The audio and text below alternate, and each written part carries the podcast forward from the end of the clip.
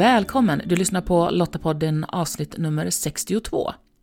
I den här podden samtalar vi om ämnen som rör mänskliga rättigheter och demokrati med fokus på kvinnors delaktighet. Och det gör jag, Maria Öst, tillsammans med personer som på olika sätt arbetar för att skapa ett säkrare och tryggare samhälle. Lottapodden den är producerad av Svenska Lottakåren och vi är en frivillig försvarsorganisation som engagerar och utbildar kvinnor för att stärka samhällets krisberedskap och totalförsvaret.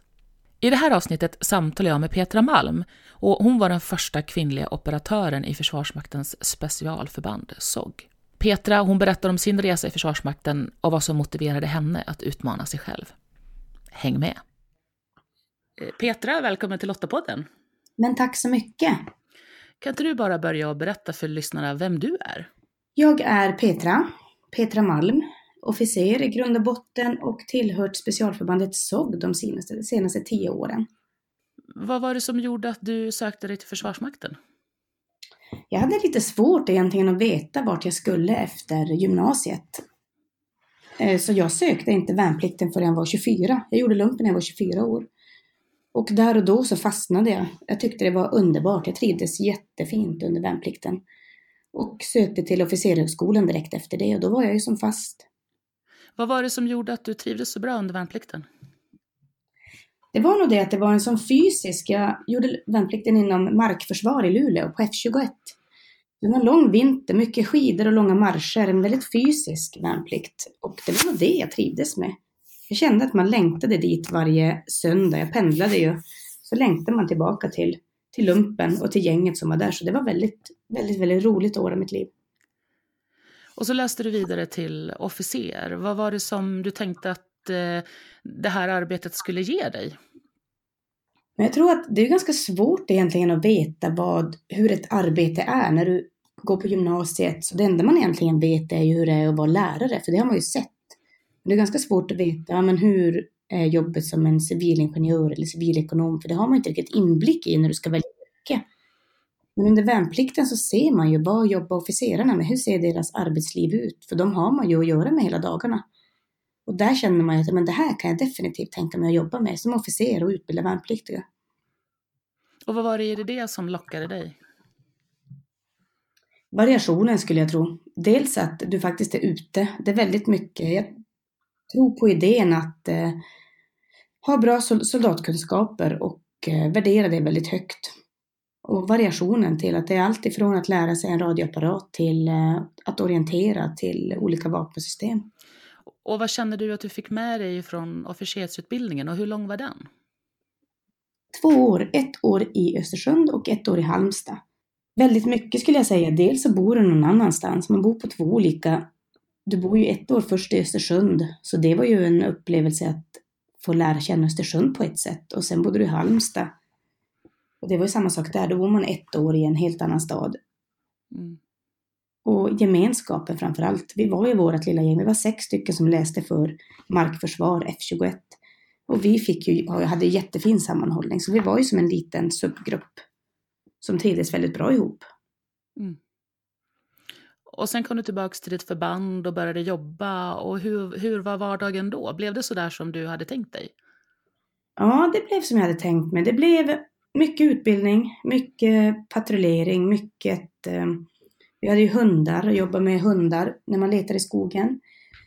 Men där och då, det här var ju 2004, där och då så tappade jag tron lite grann på det var ju precis som man tänker sig brytpunkten när man började tänka, ska det vara invasion eller ska det vara invasionsförsvar eller insatsförsvar? Hur ska det se ut i Försvarsmakten? Och där kunde jag också känna att jag inte riktigt förstod syftet med varför vi utbildade som vi utbildade. Då var vi ju runt basen och letade egentligen fienden i skogen.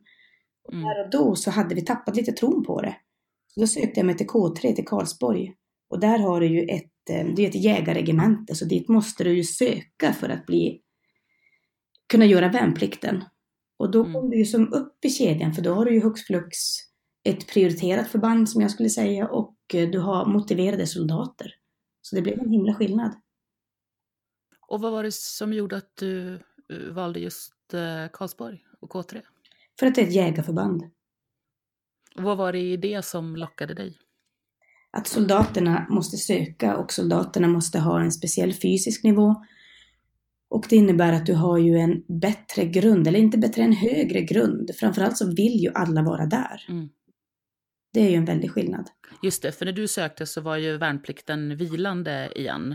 Eh, och nu har den ju tagits tillbaks. Tror du att, att det kommer göra någon skillnad i de individer som kommer in i Försvarsmakten?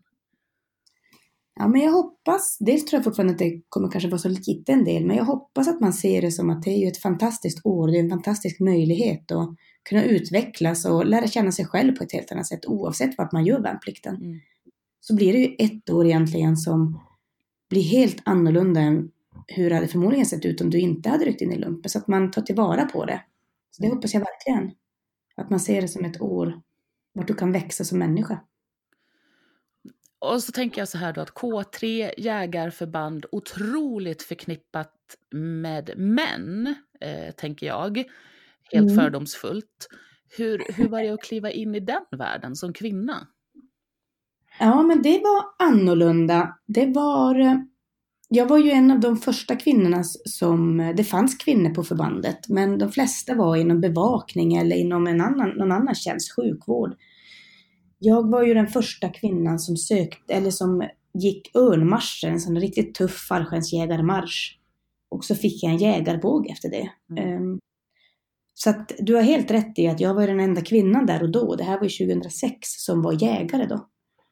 Uh, så fördomsfullt, absolut. Och där märkte man också, vi hade, vi hade jättefin sammanhållning. Jag tycker det var på underrättelsepluton på K3.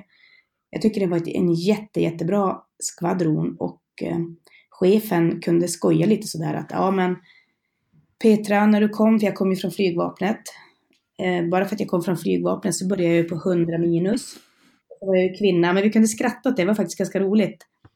Så han, då började på 100 minus, men så hade vi en flygbasjägare också. Och han började på 200 minus, fast han var man. Så det, det, är lite, ja men det, det, kunde vi skratta gott åt. Och lite så har det varit. Och då kom vi från flyget, så det gör inte heller allting lättare.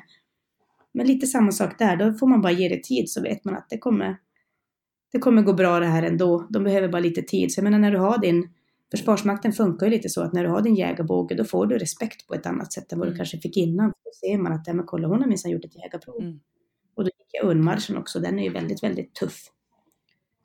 Och det har ju funnits lite av en debatt, i alla fall om man tittar i kretsar som, som är intresserade av försvarsfrågor, just det här med Ja, men eh, är liksom kraven för tuffa eller liksom är de orättvisa? För jag tänker att det finns ju faktiskt män också som inte är... Eh, alla män är ju inte lika starka, om man säger så, eller lika uthålliga. Vi är ju olika som individer, även om vissa eh, eh, saker tillskrivs oss som män eller kvinnor. Men märkte du någon skillnad i, i, i den aspekten? Jo men såklart att det är skillnad och det är samma, det finns ju massa olika kvinnor, alla är individer och det finns massa olika män. Och jag tror att fördelen jag har det är ju att ja, men jag har jobbat hårt och så har jag jobbat från, alltid haft den, det mindsetet att jag kan aldrig kräva någonting av mina soldater som jag inte kan göra själv. Och i och med att man levde så till exempel, då blir det ju på något sätt en föregångskvinna för att då ser ju soldaterna också att ja, men Petra hon, hon kan springa så här fort med den här tunga packningen eller marscha så här långt. Och det är lite det du måste göra, och speciellt kanske, men som sagt jag är liten till storleken och det blir också förutfattade meningar från det, så det är väl lite det jag haft med mig hela tiden, att man... Men det tar tid. Men sen vet man att efter ett tag, då har man bevisat sig lite mer än männen och då, då funkar allting och då blir det nästan tvärtom. Att ju, då, jobbar, då ser de att men Petra är en som jobbar väldigt hårt.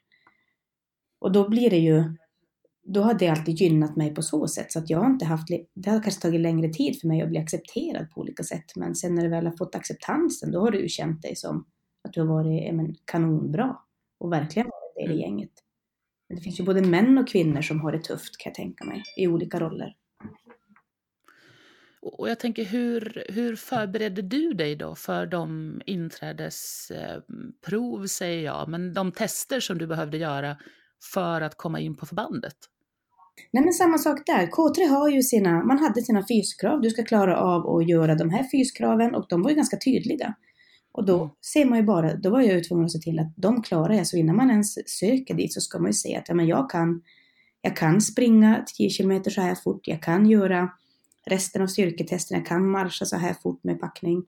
Då måste man ju se till att man kan göra det, eller jag har alltid levt i den devisen att jag inte kan kräva någonting som jag inte själv gör. Mm. Så någonstans eh, bra förberedelse helt enkelt så är det ingenting som är omöjligt. Men exakt så är det ju. Bra förberedelser och det mentala. Varför vill jag dit? Då kan du egentligen komma hur långt som helst. Och om man tänker specialförbanden finns det ju en massa mystik kring naturligtvis eftersom eh, vissa delar är hemliga. Mm. Hur var din upplevelse under tiden du var i förbandet? Vad, vad, liksom, vad gjorde att du vaknade varenda morgon och kände yes, jag vill gå till jobbet? Ja, men då säger jag ju definitivt kollegorna. Det är ju, man märker här att du ska ju in genom ett nålsöga så att det blir ju alla som jobbar där är ju särskilt uttagna och sen blir du särskilt tränad. Och det här gör ju att det är fantastiskt fina människor för när du väl har kommit in dit så är det ju ingen, du behöver inte hävda dig på något sätt utan man vet att man är riktigt duktig på det man gör, annars skulle man inte vara där. Så det råder en enorm ödmjukhet inom förbandet som är fantastisk. Och utlandstjänst då, det är ju en del av eh, tjänstgöringen i Försvarsmakten. Ehm, mm. Hur har du upplevt de bitarna? Roliga, tycker jag. Det har varit ja, men väldigt stimulerande. Jag var första gången till Afghanistan 2007 och då åkte jag med Försvarsmakten, inte specialförbanden utan med Försvarsmakten. Och det var ju där och då kunde jag väl inse att ja, men det är ju det är soldat jag vill vara. Jag vill ju själv vara soldat och kunna vara ute på insatser. Så då kände jag att jag inte, när jag var borta i Afghanistan, det blev nästan ett år, man var ju där åtta månader. Mm. Då, hade, då tappade jag lite tron på att komma tillbaka och utbilda värnpliktiga, utan då ville jag vara soldat själv. Och det var ju då jag egentligen sökte mig till Soggen då. Och, och vad, har, liksom, vad har utlandstjänsten och den erfar de erfarenheterna du har fått därifrån, vad har det gett dig som person? du får ju en enorm resa genom olika kulturer och länder egentligen. Och det gör ju idag att man kan känna, jag kan känna mig så himla världsvan på något sätt.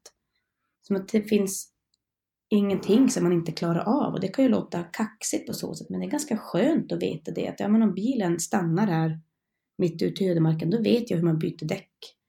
Förstår du? Att, mm. och ja, så kan man gå in och rota under motorn när man behöver det. Att man reder ut allting som händer. Och det tror jag är för att man har du har fått så mycket erfarenhet under de här åren. För man har, jag har ju som sagt varit i Försvarsmakten i 17 år. Det är lång tid och hunnit göra jättemycket insatser. Så klart som tusen att jag känner att jag har en fantastiskt stor ryggsäck. Mm. Och i just utlandstjänsten då, fanns det några fördelar för dig som kvinna? Ja, men det tycker jag också. Jag tycker att du är väldigt avväpnande som kvinna. Du är ju inte samma hot som en man är till mm. exempel. Men kände du att dina chefer också kunde använda dig och dina kamrater på det sätt som ni eh, var bäst på, lämpade till och, och kanske också då utifrån eh, möjligheten att nå lokalbefolkningen? Ja, framförallt efter en tid så ser man ju att men oj, titta vad vi kan göra här. Här har vi ju en kvinnlig operatör med oss. Henne kan vi ju nyttja på rätt sätt. Vilket gjorde att då kunde vi hux flux komma åt halva populationen som är kvinnor i Afghanistan, och ta det som exempel. Så att här var det ju en enorm framgång att vi hade en kvinna i förbandet. Ja, precis. Så någonstans mixen är det som gör att, att, att det blir bättre helt enkelt. Ja, men jag tycker det. Och nu har ju du valt att lämna Försvarsmakten. Vad var det som gjorde att du kände till slut att Nej, men nu eh, vill jag, är jag redo att gå vidare? Jag tror att det började egentligen när man blev gravid. När jag blev gravid så fick man ju, jag fick ju begränsningar i att jag, men jag kunde inte hoppa fallskärm, jag kunde inte åka skoter om du förstår, så att jag kunde inte vara på skjutbanor på samma sätt. Så att det, redan där började ju en begränsning. Och sen så gick jag hem och så var jag mammaledig och då bodde man ju i Karlsborg, jag är norrlänning så jag hade ju långt hem till mina föräldrar och släkt så där och då började nog en liten längtan att, ja men när man fick barn speciellt, att mm. livet fick ett högre syfte. Att nu kan inte jag vara sån egoist att jag drar iväg vart förbandet än vill sätta mig in, utan nu har jag ju någon annan som är helt beroende av mig. Mm. Och där blev det en, det kunde jag märka när jag kom tillbaka, att jag var inte lika motiverad. Det var inte lika roligt att återuppta soldatkunskaper igen. Jag hade inte samma motivation. Och då var det egentligen för att jag var färdig, men det var ganska jobbigt situation att komma fram till att vart är det pyspunka egentligen? Alltså jag mm. har ju världens bästa jobb, vi har ett jättefint hus, vi trivs jättebra i Karlsborg. Och då kändes det som att, men varför är det pyspunka? Och pyspunka var egentligen att jag började bli färdig med högriskarbeten. Om man tänker nu då, eh, tjejer och killar naturligtvis som sitter och lyssnar på det här och som tycker ändå att ja, men Försvarsmakten vore intressant som en arbetsgivare. Vad skulle du säga till dem? Ja, men definitivt. Jag skulle säga att Försvarsmakten är en fantastisk arbetsgivare och eh, speciellt om man känner att man vill söka sig till specialförbanden eller till andra förband så är det, man kan komma hur långt man vill bara man förbereder sig. Men det viktigaste jag tycker att man, det är att man måste göra det för sin egen skull. Annars så kommer inte motivationen hålla. Det vill säga du måste vilja dit själv, inte för att dina föräldrar vill det eller att eh, du vill kunna säga att eh, det är coolt att söka till Försvarsmakten, utan du måste ha en inre drivkraft och har du det, då kan du egentligen komma hur långt som helst. Men däremot läsa på sig, vara förberedd och inte ta exempelvis fyskraven för lätt. Känner man att man är dålig på att orientera till exempel och man vet att du måste kunna orientera, då måste man lära sig det. Inte tro att det löser sig när man väl kommer på plats. Att ah, när jag väl ska springa 10 kilometer, då kommer det gå jättebra för då känner jag press. Utan då ska man helst ha varit ute innan och testat och, och prövat sig fram.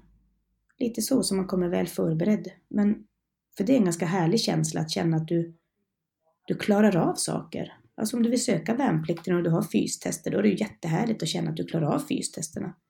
Och sen vart du än söker dig och klara av vissa nålsögon man ska igenom så är det fantastiskt att kunna känna att man klarar av det. Det är väldigt snopet att känna att man är oförberedd när det väl gäller.